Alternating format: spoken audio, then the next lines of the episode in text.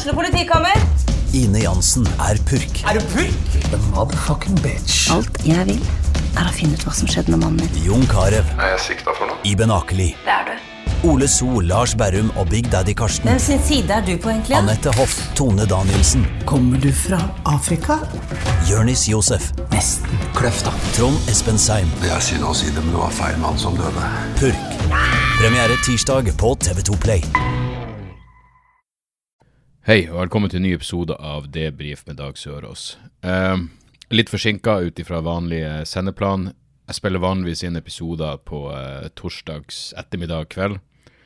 Og så legger jeg dem rett ut på Patreon, hvor de som eh, støtter meg på patreon.com slash får reklamefrie episoder i tillegg til bonusepisoder.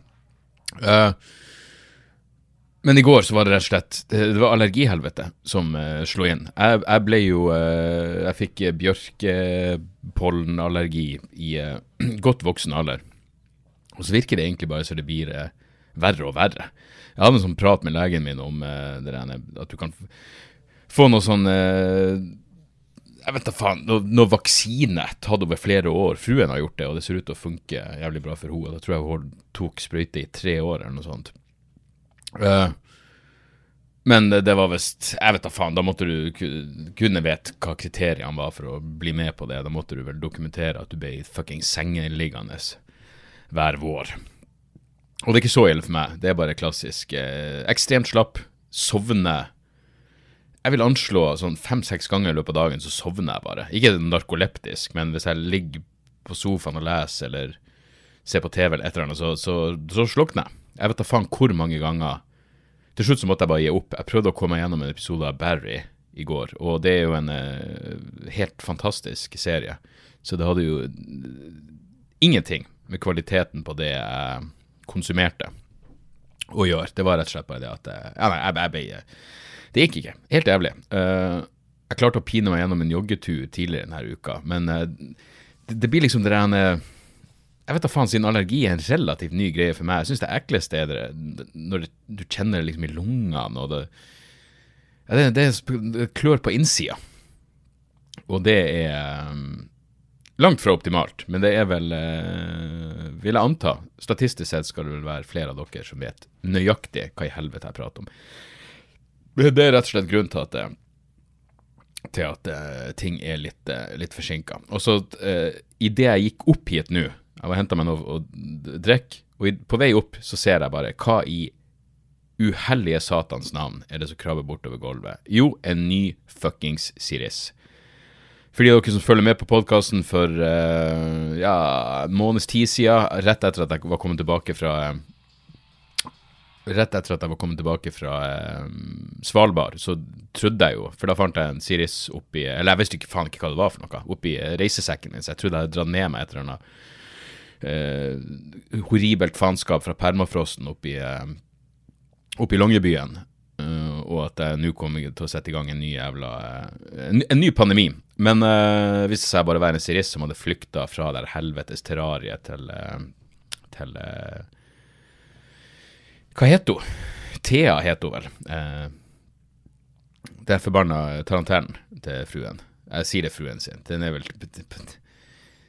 jeg vet da faen. Den, den er vel vår på et vis, men jeg har virkelig null eierskap til det faenskapet. Da viste det seg at det var et hold i terrariet hvor de jævlene hadde kommet seg ut. Vi trodde vi hadde fått kontroll, for jeg, jeg lå jo plutselig Jeg lå på sofaen og glodde på noe, og så plutselig så Jeg skvatt så jeg holdt på å dette av sofaen, og fruen begynte å flire og syntes det var dritgøy, og så var det fordi det var en svær jævla siris som krabba opp i sofaen. Og ja, da, da er det lov å fuckings reagere manisk og sjokkarta. Og så dukker det faen meg opp en ny kuk nå. Så nå må vi bare gå drastisk til verks. Jeg, jeg, jeg kommer til å bestille noe sånn jævla pestdyrkontroll, eller så får jeg bare kaste hele det forpulte jævla terrariet ut. Det, det vil virkelig ikke være et savn. Det eneste gøye med å ha den jævla skapningen, er jo at av og til, hvis det er noen på besøk, så freaker de ut. Uh, det vært til, til gode å være borti noen som, som ser appellen med å ha en jævla tarantell.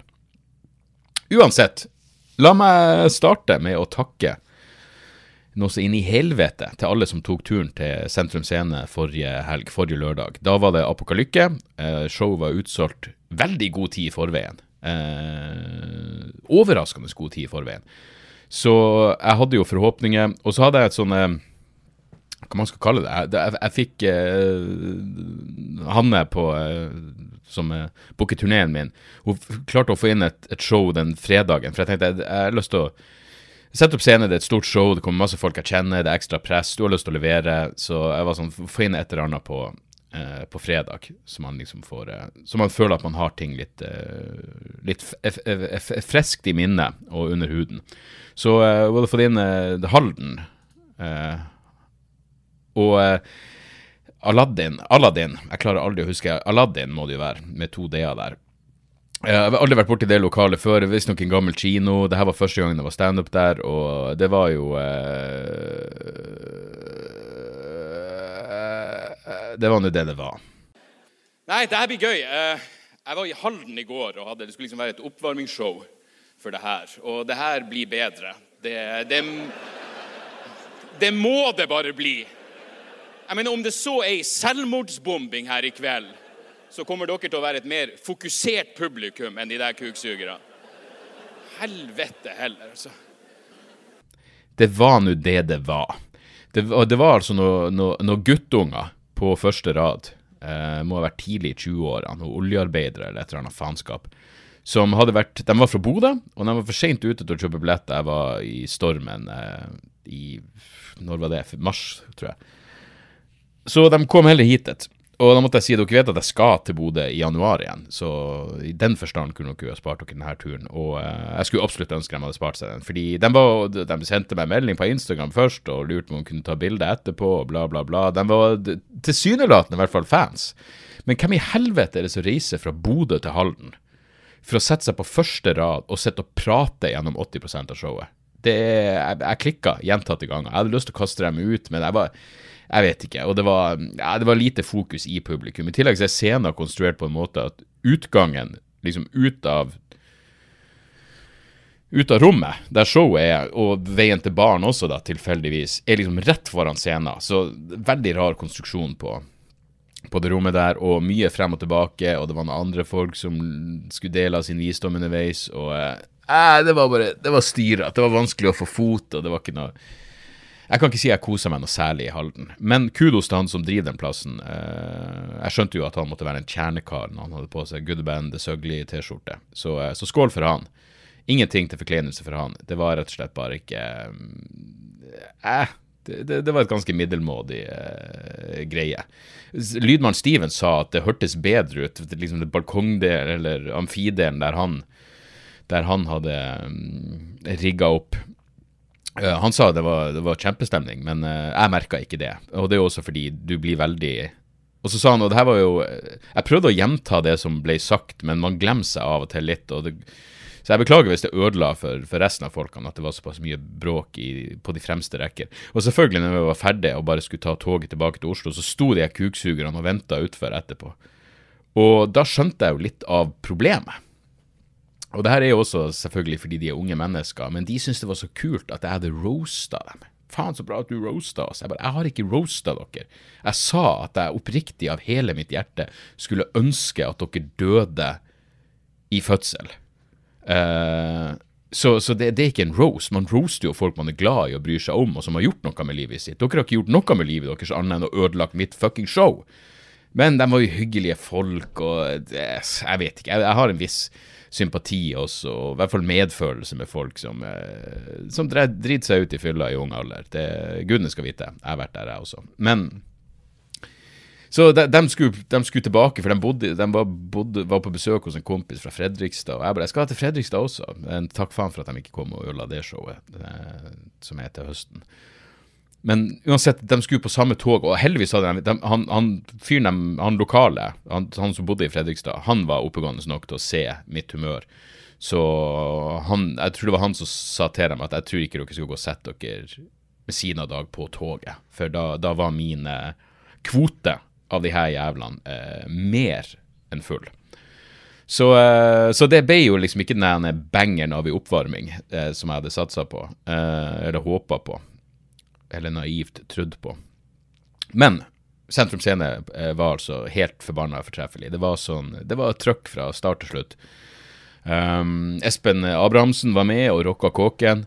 Nydelig oppvarming. Uh, jævlig gøy å ha han med der. Jævlig kult å liksom uh, Ja, det er gøy å ha han med, og så er det kult for han å stå på den scenen. Og, ja, nei, det var, det var rett og slett en, en, knallkveld. Folk var så jævla med fra første øyeblikk. Og, um, jeg prøvde å holde det litt tight, for jeg, hvis jeg bare begynner å bable og greier, så går det fort en time. Da går det opp mot to timer, og med litt oppvarming i tillegg, så, så var jeg sånn Jeg var litt sånn Fuck, jeg har lyst til at det her i hvert fall skal bli så nært 1 12 time som mulig. Jeg tror jeg sto i 1.35. Uh, og det er, så, det er så Ja, det er så tight som det blir for min del. Um, men uh, publikum var med fra første sekund, storkosa meg. Det var, det var så bra. Stian, min kjære manager, han, han gikk uh, Han var ute i publikum, men mot slutten av showet så gikk han eh, backstage han kunne stå bakom scenen bare for å høre det trøkket som var i folk, hvordan det liksom hørtes ut fra scenen. For det blir som en sånn eh, Det blir en vegg av lyd. Og det var eh, nei, rett og slett eh, jævlig eh, gøy. Det, det varma et eh, kynisk hjerte sin i helvete. Så takk igjen til alle som tok turen. Og så håper jeg at dere sprer ordet om at jeg gjør et T-show på Sentrum Scene 23. Så, så der så. Og så hadde uh, managementet mitt hadde fiksa sånn, um, en liten sånn etterfest i baren oppe på, uh, på Sentrum Scene. Og det var jo et fint tiltak, bare satt ut noe øl og noe burgere. I ettertid så har jeg tenkt sånn Burgere, det var litt rart. Men det var en masse, var en masse Mac, Big Macs der. Uh, og hvis jeg syns det var merkelig, så syns folk syns ikke det var merkelig, for de ble faen meg oppspist fort. Men Så jeg kom nå opp der, og så blir det litt sånn rart, fordi det var en del folk, sånne, bransje, folk som ikke jeg kjenner, og så var det da de som jeg hadde hatt på liste, men de har jo med seg en pluss én, så det var, sånn, det var, et sammensurium av folk. Og, og jeg, jeg, er glad, jeg syns det var hyggelig at uh, man gjorde liksom noe litt spesielt ut av det. Det eneste som er litt slitsomt, er at etter et sånt der show, hvor, hvor det liksom er litt ekstra uh, er det største showet på turneen, og bare det, og du har ikke lyst til å drite deg ut på hjemmebane, og ja, det, det, er en annen type uh, Hva er ordet? Jeg vet ikke om nervøsitet engang er rett. Det, det, det, er mer nerver når det er masse folk man kjenner der. Selvfølgelig. Så man blir uh, ganske sliten, og da slo det meg bare når jeg sto der. Og liksom du, det å da i tillegg føle et sosialt ansvar for at du må si hei til, til de som er der, og uh, jeg tror jeg sa til Stian sånn det, det, er bedre å bare gå på en, en, brun pub og sette seg. Umiddelbart etterpå sette seg ned og bare kule han, for man blir ganske kjørt i hodet. Men i ettertid, eh, glad vi gjorde det.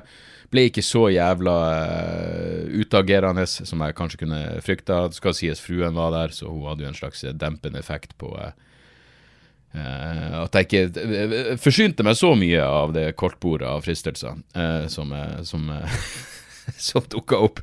Men i hvert fall helt, helt, nydelig, og det var jo siste showet før Ja, nå er det pause på turneen frem til september. Og med det sagt så var jeg akkurat inne og så på hjemmesida mi, og det, per nå, det første showet Steinkjer, Dampsaga i Steinkjer. Nydelig scene, jeg elsker den. Jeg elsker faktisk Steinkjer. Eh, hvis dere prøver å kjøpe billett til showet der 15.9, så kommer det opp at uh, internettsalg er stengt. Det er ikke fordi det er utsolgt, det er fordi vi blir å flytte den datoen. Uh, showet i Steinkjer blir flytta fra 15.9. til 8.9., fordi da er det ei eller anna uh, Det var en grunn til det. Det var noe åpning av noe kulturhusgreier. Et eller annet skjer. Så jeg håper ikke det fucker opp til hvem enn som måtte ha kjøpt billetter til den 15. Eh, dere blir å få beskjed og alt det der, men bare ha det i bakhodet. Eh, det ligger an til at eh, Steinkjer Dampsaga blir flytta til 8. september. Og så, eh, og så, fortsetter det, og alt av data ligger på dagsoras.com. Men som jeg har nevnt opptil flere ganger før, men gladelig gjentar, det betyr så jævlig mye når dere kjøper billetter på forhånd. Det, er, det gir meg ro i sjela, det er motiverende, og ja, det er all around bare tipp topp. Jeg vet at det er selvfølgelig masse folk som kjøper billett i siste øyeblikk, og det er jo ofte jeg nå faen. I den forstand sier jeg faen, bare dere kommer, men, men vit at det betyr uh, litt ekstra. Og jeg, jeg, jeg begynte å tenke på det nå i forbindelse med sånn konsertbilletter og sånn, fordi Nå eh, kjøper jeg i god tid i forveien, og jeg vet at masse band som Det, det, det, det, er, ikke bare bare å turnere med, med, med, med, liksom, med band, det er noe helt annet. Det er det, min turné det er noe meg og Steven og den mikrofonen han drar seg med seg. Det er liksom ikke så jævla mye logistikk involvert. Men med band er det en større greie, så jeg kjøper billetter god tid i forveien hvis det er ting jeg har tenkt å fære på. Og det var sånn jeg fant ut at jeg plutselig bare Jeg hadde glemt helt av at jeg hadde, at jeg hadde kjøpt billetter til Dave Eugene Edwards fra Wovenhand eh, og 16 Horsepower. En legende. En, hvis jeg har en favorittkristen, så er det vel han. Jeg mener, han er Men han er kristen på en sånn eh, bekmørk, nesten nihilistisk eh, Nick Cave-måte. Og sånn kunstnerisk så blir han jo Jeg må bare sette han i samme bås som Nick Cave og Neurosis. Og jeg, jeg så noen omtale han som om du vet at han ville lagd mu musikk om, om han så visste at ingen kom til å høre på. Så, så ville han lage musikk bare fordi han må lage musikk. Og han enser jo ikke publikum mens han spiller. Og, eh, så det her var en eh, jeg har sett Wovenhan, altså bandet, flere ganger, og det, er jo, det har vært dritbra hver gang. Det blir veldig sånn massesuggesjon og sinnssykt intenst, og nå var det liksom han akustisk.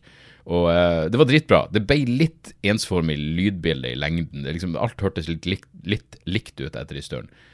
Men eh, det er fortsatt eh, hypnotiserende, og mannen er jo et, et fucking geni og en sann kunstner. Så eh, det var en jævlig, en jævlig kul, eh, jævlig kul eh, konsert. Um, utenom det, godeste Noam Chomsky. uh, mitt uh, tidligere intellektuelle forbilde, og uten tvil uh, den tenkeren som har påvirka min tankeprosess mest. mitt syn på hvordan jeg ser på verden i forstand av hvordan stater agerer med hverandre. Um, han viser seg å ha truffet De har, nå Wall Street Journal har fått tak i Jeffrey Epstein. Eh, en av de mer profilerte sexforbryterne og mennesketrafikantene der ute. Um, fått, uh, Wall Street Journal har fått tak i hans private kalender, og da viser det seg at uh, Noam Chomsky, i tillegg til da tidligere, annet William Burns, tidligere sjef for CIA, han har truffet Chomsky har truffet Epstein flere ganger, og visstnok muligens også flydd fra Boston til New York på Epstein sitt fly. Og det her Siste møte var i 2015, og da var Epstein dømt i, i 2008 for eh, prostitusjon Altså, han har eh, Skal vi se, la oss bare finne Han er selvfølgelig en eh, registered sex offender, men altså, det han var dømt for um, i 2008 he, uh, Epstein avoided federal charges and pleaded guilty to soliciting and procuring a minor for prostitution. Um, he registered as a sex offender and served about 13 months in a work release program. Det var helt sykt hvor mild straff han fikk, men da da hadde han vel ligget med ei eh, Jeg husker ikke om hun var 13 eller 15 år. Men uh, mørke saker. Uh, og så må jeg finne Chomsky sitt, sitt svar på det her. For det er ganske, ganske spesielt. Um, det er en lang jævla artikkel her om de forskjellige folkene som har truffet. For de har liksom fått kommentarer fra fra alle som traff Epstein. Og at Chomsky På en måte var det jo ikke direkte overraskende, men at han liksom skal ha vært på flyet hans, det er Det kom som et sjokk. Skal vi se her. Uh, fordi Se for deg det her møtet. Jeffrey Epstein, Ehud Barak eh, Er det han heter? Ehud Barak, ja. Tidligere statsminister i Israel. Og Chomsky. Altså Chomsky, Ehud Barak og, og Jeffrey Epstein har diskutert møttes i 2015 for å diskutere Israel-Palestina-konflikten. Um, Mr. Chomsky said Epstein arranged the meeting with Mr. Barak for them to discuss Israel's policies with regard to Palestinian, Palestinian issues and the international arena. Um, men her er altså Hvor i faen Jesus, denne artikkelen er lang. Um, her er Chomsky sitt svar. When asked about Og husk, det her er da uh, syv år etter at Epstein er en dømt seksualforbryter. When asked about his relationship with Epstein, Mr. Chomsky replied in an email First response is that it's none of your business, or anyone's. Second is that I knew him and we met occasionally. Du har ingenting med det å gjøre. det her er en notorisk seksualforbryter med kontakter så høyt opp i det øverste echelon av fuckings uh, samfunnstopper at det er vanskelig å forestille seg. Hvordan han ble så rik, hvem han egentlig var, var han en dobbeltagent, drev han med honey traps? Ingen vet. Men å si at det, det har faen ikke du noe med, mister journalist. Hvorfor legger du deg opp i det? Det er ikke et fuckings svar, Chomsky. Det er ynkelig. Fuckings ynkelig. Jeg syns han burde kommet det her i forkjøpet. Eh, og gått ut med det her. Når det kom frem, da. Når det virkelig ble eh, avslørt for et monster Jeffrey Epstein var.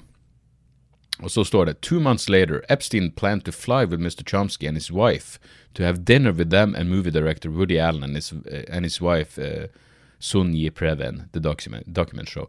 Og da sier Chomsky If there was a flight, which I doubt, it would have been from Boston to New York, 30 minutes, Mr. Chomsky said. I'm unaware of the principle that requires that I inform you about an evening spent with a great artist det her, er, det her er ynkelig. For det første, Woody Allen er litt uh, Hva det heter så fint? Problematisk i seg sjøl. Men det er vel ingen som uh, sier at han er pliktig å informere om noe sånt. Men med å holde kjeften så jævlig mye igjen. Og det er ikke Woody Allen som er det operative jævla ordet her. Det er det at du har vært på fly etter Jeffrey Epstein. Jeg syns det der er Ja, det er svakt. Det er rett og slett fuckings svakt. Og så kommer vi til det kanskje svakeste. Mr. Chomsky told the journal that at the time of his meetings, what was known about Jeffrey Epstein was that he had been convicted of a crime and had served his sentence. According to US laws and norms, that yields a clean slate. Det er litt av en påstand. Du har eh, trukket ei ung jente inn i prostitusjon, menneskehandel, voldtatt henne, men du har jo sona straffa di, så da er det jo en clean slate. Eh, og det er ikke som om det ikke var kontroversielt at han slapp så billig unna i utgangspunktet. Men la oss huske det, at det er Chomsky sitt. Det er null stress. Det er null stress, han har jo sona. Da, da, er han jo clean slate. Har du virkelig en clean slate? Jeg, vet du, I dette tilfellet så vil jeg faen meg strekke Jeg skjønner ideen om at hvis man ikke skal ha Hvis ikke du får en livstidsdom, eh, livs, livstidsdom så må du på mange måter få lov til å starte på scratch igjen etterpå. Men å insinuere, eller si rett ut, som Chomsky gjør, at det er helt uproblematisk, det er en feig fuckings uttalelse. Og jeg tipper Chomsky er ganske på defensiven i hodet. Jeg tror han er Han trodde vel at han, at han, skulle slippe unna med det her. Og det her setter jo ikke eh, Chomsky i samme lys som eh, f.eks. Eh, Steven Pinker, da, hvor det har vært eh, diverse rykter om en fyr som kanskje har vært litt mer fysisk eh, til stede. Eh, vært litt mer fysisk på det Jeffrey Epstein hadde å by på av, eh, av jeg håper å si unge, av barn. Og eh, særdeles unge eh, damer. Så eh, Nei, en skamplett.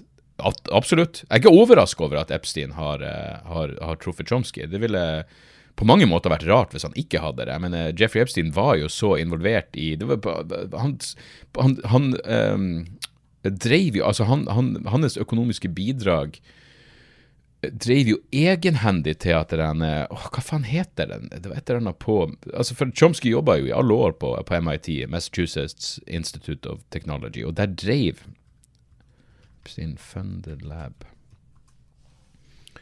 Uh, så vi ser for den heter noe spesielt, nemlig den der som Epstein driver og funder. Ja, Media Lab. Um, så vi se du, du, du, De måtte jo selvfølgelig gå igjennom alle de økonomiske ja, Jeg tror bare det heter MIT Media Lab. Men uansett, så Epstein hadde masse økonomiske interesser og drev og prata med alt av høytstående folk på MIT, og da ville det vært på mange måter rart hvis ikke Chomsky hadde vært, vært en av dem. Og Chomsky sier at han og Epstein diskuterte nevrovitenskap mye. Mm. Der hadde nok Jeffrey sitt og komme når det kommer til hvordan menneskehjernen fungerer. Ja, nei, trist. Og så var det en annen sak om Chomsky som eh, på mange måter også er trist. Eh, Han har vært intervjua i The New Statesman. Og overskrifta på intervjuet, Noam Chomsky, 'Russia is fighting more humanely than the US did in Iraq'. Eh, og det her er et, eh, et ganske Jeg vet ikke helt hvilke ord man skal bruke. Ok, Så for det første uh, Han sier ikke det. Altså, han sier uh, det, er litt journalisten som legger ordene i, i kjeften på Chomsky, så, så det er litt tendensiøs å sitere Chomsky på 'Russia is firing more humanely than the US did in Iraq'. Men han, han sier at at USA og Storbritannia eh, deres eh, fremtoning i krigen i Irak var atskillig mer brutal vis-à-vis sivile enn det russerne holdt på med i Ukraina. Som er, for det første, hvorfor skulle det være relevant? Eh, og det her viser litt altså den, den hvor ideologisk forblinda Chomsky er. Eh, det er ikke en ting hvor man ikke kan trekke inn USA, uansett hvor irrelevant det egentlig vil være for det som foregår i Ukraina nå. Men han er altså, han sier rett ut at uh, Ukraina er ikke en, uh, en selvstendig aktør. Uh, de er bare marionetter i et spill. De er avhengig av hva, hva USA sier, selv om Zelenskyj har tatt høyselvstendige avgjørelser ut ifra fra, hva Nato-land har sagt til tider. Men det som nesten er mest fascinerende, er at Chomsky prater så mye om historie når det kommer til Russland. Det er liksom, det er selvfølgelig tilbake til det Gentleman's Agreement med Gorbatsjov om eh, not an inch to the east, nei, Nato skulle ikke utvides østover, og alt det der, det har vi jo vært igjennom tusen ganger. Men når det kommer til at Sverige og Finland er medlem i Nato, det har ingenting med Russland sitt angrep på Ukraina å gjøre, ifølge Chomsky. Ingenting. Fordi påstanden om at Russland kunne true verken Russ eh, Sverige eller Finland, det er ren vestlig propaganda. Dette handler kun om eh, eh, å booste militærindustrien i de to nordiske landene. Og så skriver han eh, Nei, så sier han eh, Skal vi se her Uh, Chomsky argues that joining NATO gives the military industries of both Nordic countries great new market opportunities and new access to advanced equipment. Så det, det har ingenting med Russland å gjøre. Det er bare tøv. Allikevel så nevnes ikke fuckings Det er først nå jeg ser For, jeg, jeg, for her er greia, jeg hørte intervjuet. Uh, jeg så den overskrifta, og så så jeg også at de linka til eh, et opptak av selve intervjuet. Jeg tenkte jeg har lyst til å høre det sjøl. Men det som slo meg, og jeg ser det nevner de jo faktisk her i artikkelen, er at han nevner ikke vinterkrigen. Liksom, det, det, Russland har god grunn til å være skeptisk til Nato. Og tenk på at de tillot eh, Tyskland å forenes når tyskerne har, invadert Russland eh, ved flere anledninger. Men, men Finland? Hvorfor i faen skulle de være redd for en russisk invasjon? Det er som om hva enn som skjedde i november 1939, det har aldri skjedd. Det var ikke noe vinterkrig. Det var ikke noe russisk. Det var ikke noe sovjetinvasjon. Da har plutselig historien ingen verdens ting å si. Så han er altså så jævla eh, han, han, er ideologisk blind, og det gjør at en del Han, han prater også om eh, Kina og Taiwan. Han sier hva er, russel, hva er trusselen fra Kina? Hva er trusselen mot Vesten fra Kina? Vel, det får vi se på. Det får vi se. Men igjen, at det kun er USA som er problemet vis-à-vis Taiwan, det er Altså, da, da strekker du deg jævlig langt. Uh, så jeg begynner å bli litt lei. Jeg begynner å bli litt lei. Jeg skjønner virkelig nå at han kunne forvirre seg inn i eh, standpunkt som kanskje er verdt å, å reanalysere i ettertid. Uh, Pol Pot, Kosovo benekta at Srebrenica var en massakre og alt det der. Uh, det, det, gjør noe med deg. Når, når det kommer til å kritisere vestlig militærbruk og vestlig maktbruk, generelt økonomisk eh, maktmisbruk, så er Chomsky helt fantastisk. Men alle andre må vinkles ut ifra at USA er hovedproblemet. Uansett hva det handler om. Og akkurat når det kommer til det som foregår i Ukraina nå, jeg, jeg vet ikke om han følger med. Jeg vet ikke hva Det er greit at han sta, i starten av, eh, av russiske angrepet sa at eh, sa at um, Man sammenligna det med, med sammenligna Putin med Hitler når det kom til aggresjonskrig, og selvfølgelig også sammenligna det med George W. Bush og angrepet på Irak. Fair enough uh, i begge tilfellene. Men akkurat nå, så han, han, han, sier på et tidspunkt at for å bevise For det er en ting å liksom si La oss se på tapstallene uh, i Ukraina kontra uh, Irak. Og så er det liksom ja, du hadde den Lancet-studien som prata om en million døde irakere. Den viste seg å være problematisk eh, i ettertid. Jeg har aldri hørt Chomsky eh, eh, si det. At den faktisk eh, muligens overdrev drapstallene, eller tapstallene, eh, betraktelig. Fordi når det kom til Pol Pot sitt regime, så var Chomsky veldig glad i å gå igjennom for å, eh, for å justere ned og rette for vestlig propaganda. Uh, Lancet-greia Nei, jeg har ikke sett han nevne det med et ord. Uh, som selvfølgelig uh, sier sitt. Men han prater om at de offisielle tapstallene på sivile ukrainere er 8500. Og så er det sånn, for det første uh, Hvis du skal ta Irak-krigen, så må du vel ta da må du vel sammenligne med det første Altså drepte sivile irakere det første året av Irak-krigen. Det gjør han ikke eh, kontra Fordi, ja, per nå så har russerne bare slakta i Ukraina i et års tid. Eh, men så sier han også eh, vi, vi, har hatt masse eh, vestlige statsledere som har besøkt Ukraina.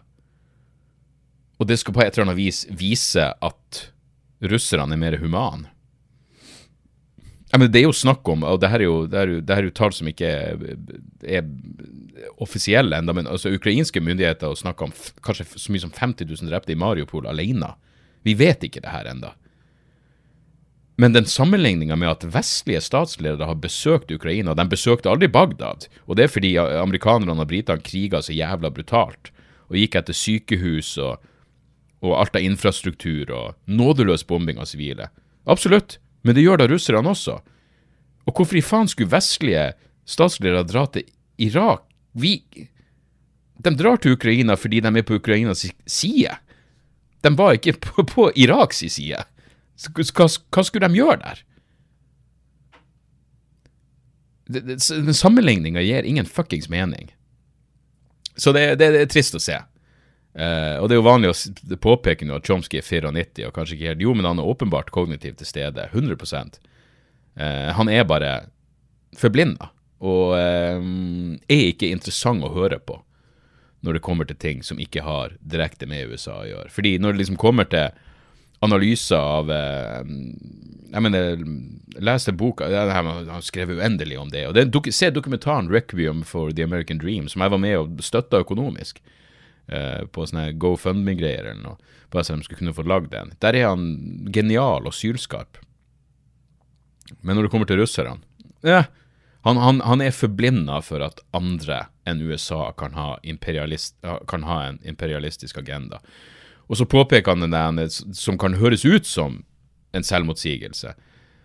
Men den kontrasten hele tida mellom at eh, og Putin er en fare for Europa. Han har lyst til å invadere flere europeiske land. Samtidig så er Russland en papirtiger og og har feila totalt i Ukraina. Ja, Hvorfor skulle det ene utelukke det andre? Man kan du fortsatt ha ambisjoner som går utover Ukraina, selv om det har feila så langt? Man kan fortsatt ha ambisjoner utover Ukraina, selv om det har feila i Ukraina så langt? Det er en, en utelukker på ingen måte det andre.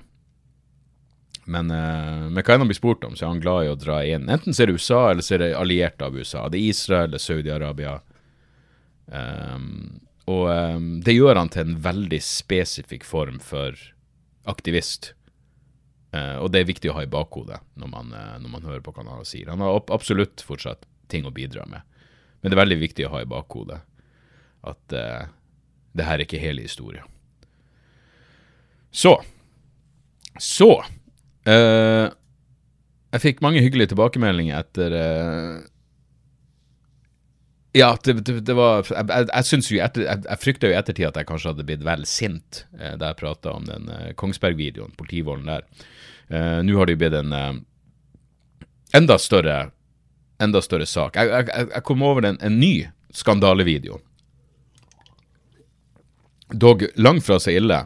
Ganske så fuckings eh, syk. Uh, og her er det jo i det minste et humoristisk Jeg er ingen som blir banka opp, og det er et humoristisk element der. Rømte fra politibil. Ny video sår tvil om foranledninga. Politiet og mannen har ulike versjoner av hva som skjedde før mannen ble satt bak i patruljebilen. En ny video viser hva som skjedde i sekundene før. Og det her er Hvor er det her for noe? Du, du, du, Hvor i faen er det hen? Det var et eller annet biltreff, så det var en masse rånere. Um, ja, så uansett, det som har skjedd, da, er at politiet uh, Purken sier at politiet nekta å flytte seg. Uh, da, da, purken er til stede på det biltreffet. Og så får de uh, beskjed om at de må rykke ut til et annet oppdrag. Og så påstår de at det er, noe, det er ungdommer som stiller seg i veien og nekter å flytte seg, sånn at politibilen ikke kan kjøre videre til sitt nye livsviktige oppdrag. Og så kan du sitte og se på opptaket og si at det her er åpenbar ren fuckings løgn. Fyren som dem da For det de gjør, er at plutselig så går de bare ut og hanker tak i en fyr, prater med han, og så hiver de han bak i, bak i politibilen. Og da er argumentet deres at han hindrer dem i å kjøre. Men du ser da helt åpenbart at han er fuckings Skal vi se her For av og til så er det sånn Jeg husker jeg så det her, og så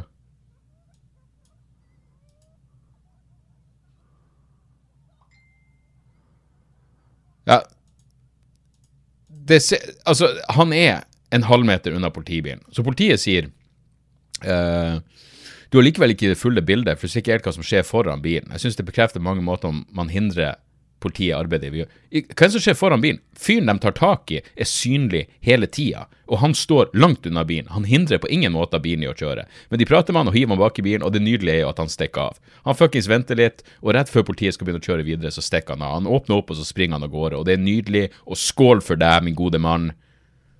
Du har min fulle og hele støtte. Her er også spørsmålet. Hvor nonsjalant er du ikke? Hvis du røkker ut til et Du har et viktig oppdrag. Du, og det betviler jeg ikke at det kunne vært. Absolutt, selvfølgelig. Politiet får beskjed om å fære en plass. Hvem vet hva, eh, hva de skal ordne opp i? Men hvorfor i helvete tar du deg da tid til å stoppe og gå ut og prate med og hanke inn en fyr som åpenbart ikke gjorde noe? Og hvis han var stor i kjeften og et eller annet, greit nok, men opptaket viser tydelig at han hindrer dere ikke i å kjøre. Det er bare å fuckings kjøre. Og her er greia med biler. Folk har en tendens til å bare flytte seg hvis du viser din intensjon om å kjøre videre. Så det er nok en sak. Nok en fucking sak. Hvor politiet sier én ting, og så kommer det et videoopptak som viser noe veldig, veldig annet. Og nå har jo purken i Kongsberg vært ute også og uttalt seg med sine ord. Og det mange har påpekt som er det mest utrolige, er at han som gikk og sletta opptaket, eh, mobilopptaket til han som driver og filmer at han, eh, Kevin Simensen ble eh, slått minst 16 ganger med knytta hånd mens han lå nede. Han purken sier at han slipper opptak av personvernhensyn. Jeg vet det Altså, det, det, det er vanskelig jeg, jeg, må se om jeg finner For det, det høres ut som han fuckings kødder. Her er det han sier. Uh, her er det han sier. Telefonen var ulåst, slik at jeg samtidig Skal vi se her. Jeg gikk raskt gjennom lommen til siktede for å se etter ID, og fant da bankkort med navn i kortmappa på telefonen hans. Telefonen var ulåst, slik at jeg samtidig sletta den filmen siktede Storma hadde tatt av siktede Simensen, som lå på bakken med politiet oppå seg. Sett i ettertid var det dumt av meg å slette denne filmen, men tanken med å slette den var å opprettholde personvernet til siktede Simensen. Det er gode overvåkningskamera på Esso som mest sannsynlig har fanga opp hele skråstrek deler av hendelsen. Det her er For det første, hvis du hadde tenkt på at det var et overvåkningskamera, så hadde de ikke oppført seg på denne fuckings måten! De trodde de skulle lyge seg bort fra det her. Men at du sletta opptaket av personvernhensyn, hvis det opptaket hadde backa opp de fuckings løgnene dere kom med, det er faen meg det, det er så skamløst at du må nesten bare du må nesten bare rødmende klappe over hva i helvete de får seg til å si. Og eh, ja, her er politifolkenes egne ord. Det ser ikke bra ut, rett og slett. Det ser faen ikke bra ut. Uansett hvordan du snur og vender på det. jeg går ut ifra det ulovlige. Altså, Politiet virker De virker generelt forvirra når det kommer til lovhjemmel. De har liksom ikke helt oversikt over det de faktisk i teorien jobber med, som er loven. Politiet har et, et, et ambivalent forhold til rettsgrunnlag. NRK hadde en artikkel om at det er faktisk lov å filme politiet. Og det her burde du faen meg fått inn på, på, på ungdomsskolepensum. Artikkelen er det her har du lov til i møte med politiet. Og Da er det Jon Wessel-Aas, fantastisk advokat, lederen for Norske Advokatforening, som sier et forbud mot forhåndssensur finnes allerede i Grunnloven, og det er forhåndssensur om politiet nekter folk å ta bilde eller filme. Politiet har dermed ikke rett til å pålegge folk å la være eller å slutte å ta bilder eller filme, da dette vil være i strid med forbudet mot forhåndssensur i Grunnloven paragraf 100. Så sånn er det.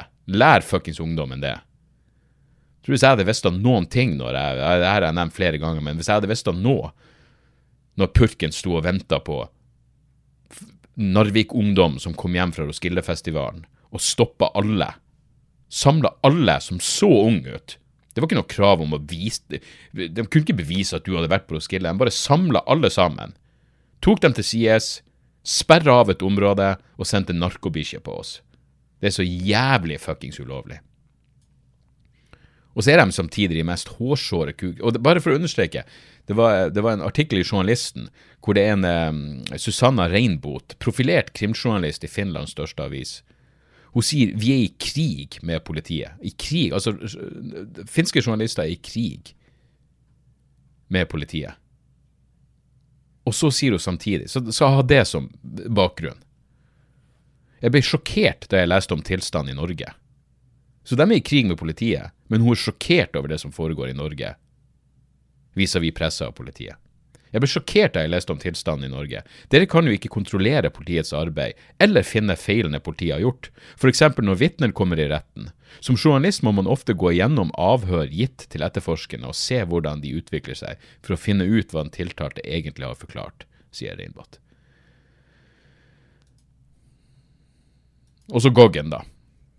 Vi må jo innom Geir Evanger. Eh, NNPF-legende. Eh, Eh, fantastisk eh, rettssak eh, mot tidligere advokat eh, Bengt Waldov. Eh, Waldov er da tiltalt for å ha hengt opp eh, åpenbart sati satiriske etterlysplakater med stort bilde av, av statsadvokat Geir Evanger, og, som da er nestleder i Norsk Narkotikapartiforening, og en tilsvarende plakat av lederen av NMPF, vår alles kjære polititjenestemann Jan Erik Bresil. Saken er henlagt. Og uh, Goggen gir seg ikke. Goggegutten gir seg ikke. Gaven som gir og gir og gir. Uh, han etterlyser vekting av ytringsfrihet opp mot beskyttelsen av privatlivets fred.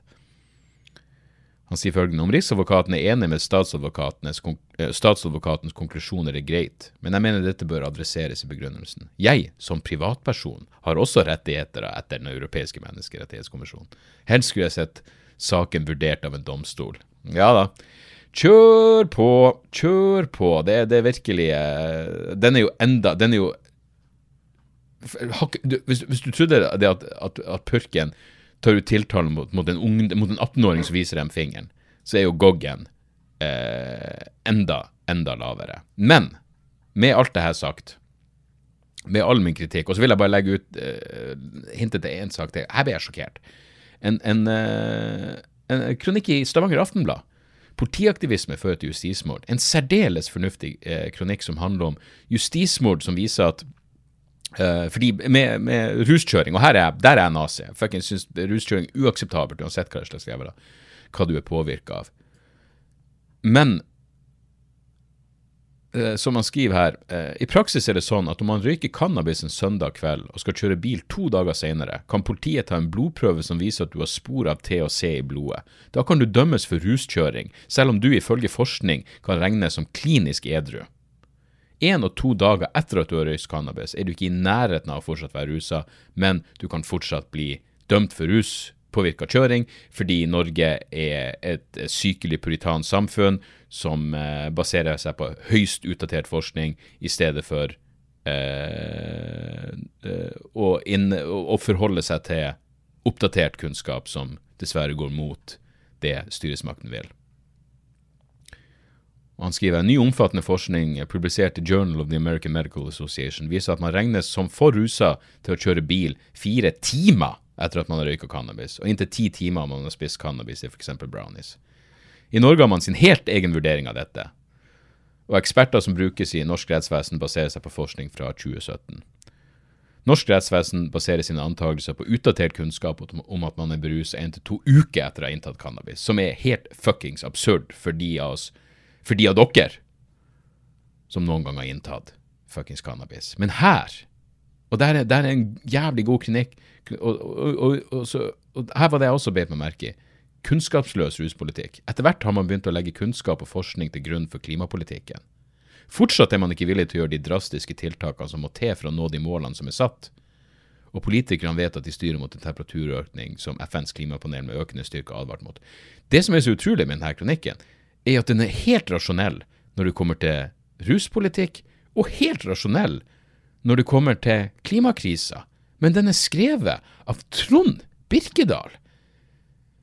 Jeg vet altså, Trond Birkedal, ikke han en, Han er da beviselig en fuckings Frp-politiker, er, er, han ikke? Jeg, jeg regna med at det var feil fyr. Men nei, Trond Birkedal er en norsk tidligere politiker fra Frp. Var formann i ungdomspartiet Fremskrittspartiets Ungdom fra 2002 til 2008, og var senere et sentralstyremedlem i Fremskrittspartiet, og partiets ordførerkandidat i Stavanger. Det er jo for faen han!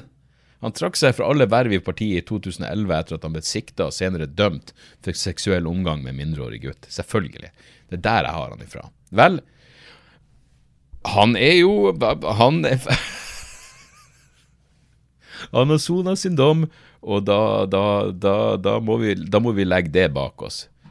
Var ikke det her den filminga i dusjen. Jeg lurer på om jeg prata om det her på scenen. Det må jeg garantert ha gjort. Uansett, det er jo helt utrolig. Ja, jeg ser Epstein. Uh, analogien her. Men at han da har ei rasjonell tilnærming til to av de sakene, to av kjerne, to kjernesaker, hvor eh, Fremskrittspartiet er helt fuckings irrasjonell, det viser jo at man kan komme seg videre her i livet. Man kan komme seg videre. Det er et liv etter både Frp og etter en dom for seksuell omgang med mindreårig. Så der, så. Og så, bare for å avslutte det her, så finnes det da faen meg bra politifolk også. Fordi det, er en, eh, det ser ut som en ung mann, en kjekk ung mann. Max Christian Thommessen, politibetjent. Han hadde et nydelig innlegg i Nettavisa som har overskrift 'Vise finger til politiet er ikke en form for vold'. Eh, og det sier jo egentlig det meste. Jeg gikk inn og stemte her. Er det greit å vise finger til politiet? Ja, eh, mener jeg, og 88% av de nesten 2000 andre menneskene som, eh, som har har stemt. Og han sa det så enkelt og allikevel så bra. Uh, ja, her, det, det, er bare starten. Mange ungdommer går gjennom en periode i livet hvor det er kult å ikke like politiet. Det vokser man fort av. Det, det vokser man fort ut av, uten at staten trenger å gi vedkommende et kriminelt rulleblad for det. A fuckings men. Det å vise finger til noen har ingenting med vold å gjøre, verken i den juridiske verden eller noe annet sted, sier godeste Max og jeg støtter han fuckings helhjerta. Det finnes oppegående politifolk der ute også. Og takk faen for det. Um, det var Ja visst faen. Det var det vi rakk uh, denne uka. Det blir mye politiprat denne gangen også, og, uh, og sånt. Og, og, Chomsky, men fuck, altså. Jeg har, jeg har en svær jævla plakat av noen Chomsky hengende på veggen min. Da er det viktig å ta opp når han, uh, når han driter seg så til de grader ut også. Så, eh, så sånn er det. Uh, Nå har jeg faen meg Mai er chill for meg. Den er meget så rolig. Og så har jeg litt jobba i uh, Så jeg skal gjøre flere Jeg har, jeg har en uh, gjesteepisode lina opp neste uke. Jeg skal prate med en, uh, en, herremann som har skrevet i bok en vitenskapelig historie om rase og rasebegrepet, så det blir spennende. Uh, de av dere som er på Patrion, får den episoden med en gang etterpå, uredigert. Og resten av dere Jeg skal spille inn litt flere Jeg har planer. Jeg har planer om å spille inn flere gjesteepisoder i løpet av mai. Utfordringa er at det er ofte folk som har skrevet i bok, så jeg må lese boka først. Det tar litt tid. Men uh, jeg satser på litt mer gjesteepisoder fremover, og så skal jeg prøve å, å holde den sedvanlige timeplanen med, med at episodene kommer ut uh, torsdagskveld for de på Patrion, og uh, fredagsmorgen for resten av dere. Og så Ja, så er, så er, vel det det. et, par, et par tips helt på, på, slutten her. Jeg så den, den heter vel Manhunt. Den dokumentaren om Boston Marathon-bombinga Boston maratonbombinga eh, Er det ikke det den heter? Manhunt er jo en ganske generisk tittel, men uh, American Manhunt, The Boston Marathon Bombing. Uh, jævlig bra. Uh, jeg vil anbefale dere, som jeg sa på Dialogisk med Chomli, jeg vil anbefale dere å se American Manhunt, The Boston Marathon Bombing kombinert med dokumentaren The Murders Before the Bombing. Um, så American Manhunt ligger på Netflix, og The Murders for the Bombing ligger på Disney. Uh, fordi de historiene henger jævlig godt sammen, og, og Ja, og det, det, var et eller annet med den, den American Manhunt-greia. Det var tre episoder, tre timer. Det var perfekt lengde. Det, jeg har fortsatt ikke sett den Veiko-dokumentaren på Netflix, men den er jo også, tror jeg også, tre timer. Tre, fordelt på tre episoder. Perfekt lengde. Det, det, det færreste ting trenger å være sju-åtte episoder. Så, så American Manhunt Anbefales varmt. Jeg liker også serien Love and Death på HBO, med Elisabeth Olsen. er det vel. Jeg har sett noen anmeldelser som mener at den er kjedelig. Det er jo en sann historie om utroskap og forbudt kjærlighet og drap. Jeg liker den. Jeg syns skuespillerne er dritbra. Jeg synes den, den, er sånn, den er jo veldig smooth uh, på alle måter. Men fuck, jeg liker den. Jeg har sett de fire første episodene. Det er vel to igjen som kommer etter hvert. Men Love and Death har i hvert fall uh, seal and approval fra meg. Også et par uh, musikktips. Det er heavy saker, begge to. For det første, nye skiva til Enforced er bare Altså, de er et uh, sånn crossover, blanding av trash og hardcore. War Remains heter den. Jeg elsker dem helt fra første skiva. Um, kan hete Across the uh, At the Walls het den første skiva, og så kom Killgrid. Fuckings badass begge to. Og den her nye er det, jeg, jeg, så en anmeldelse som bare sa hvis, hvis Killgrid var en force i South of Heaven, så er War Remains den nye skiva deres Rain and Blood. Det er 33 minutter med gjentatte fuckings uh, batongslag mot trynet. Kongsberg-style. Bare Du trenger ikke å få dårlig samvittighet for det her. Eh, dritbra skive. Enforced kickass. Og så må jeg tipse om eh, et, eh, også ei skive innenfor metal-sjangeren, men i den helt andre enden. Fires in the Distance har kommet ut med sin andre skive, som heter Air Not Meant For Us. Det er en blanding av, av, doom og death metal. Det går sakte for seg. Hele skiva er pakka inn i sosial angst og handler vel i stor grad om, om det er en slags konseptskive om døden. Den siste låten har en masse sampling av, av Christopher Hitchens som prater om døden. Og jeg vet da faen, det er noe med Produksjonen er så jævlig bra. Altså, det, det er seks låter, tror jeg, på rundt 50 minutter, så det er lange låter.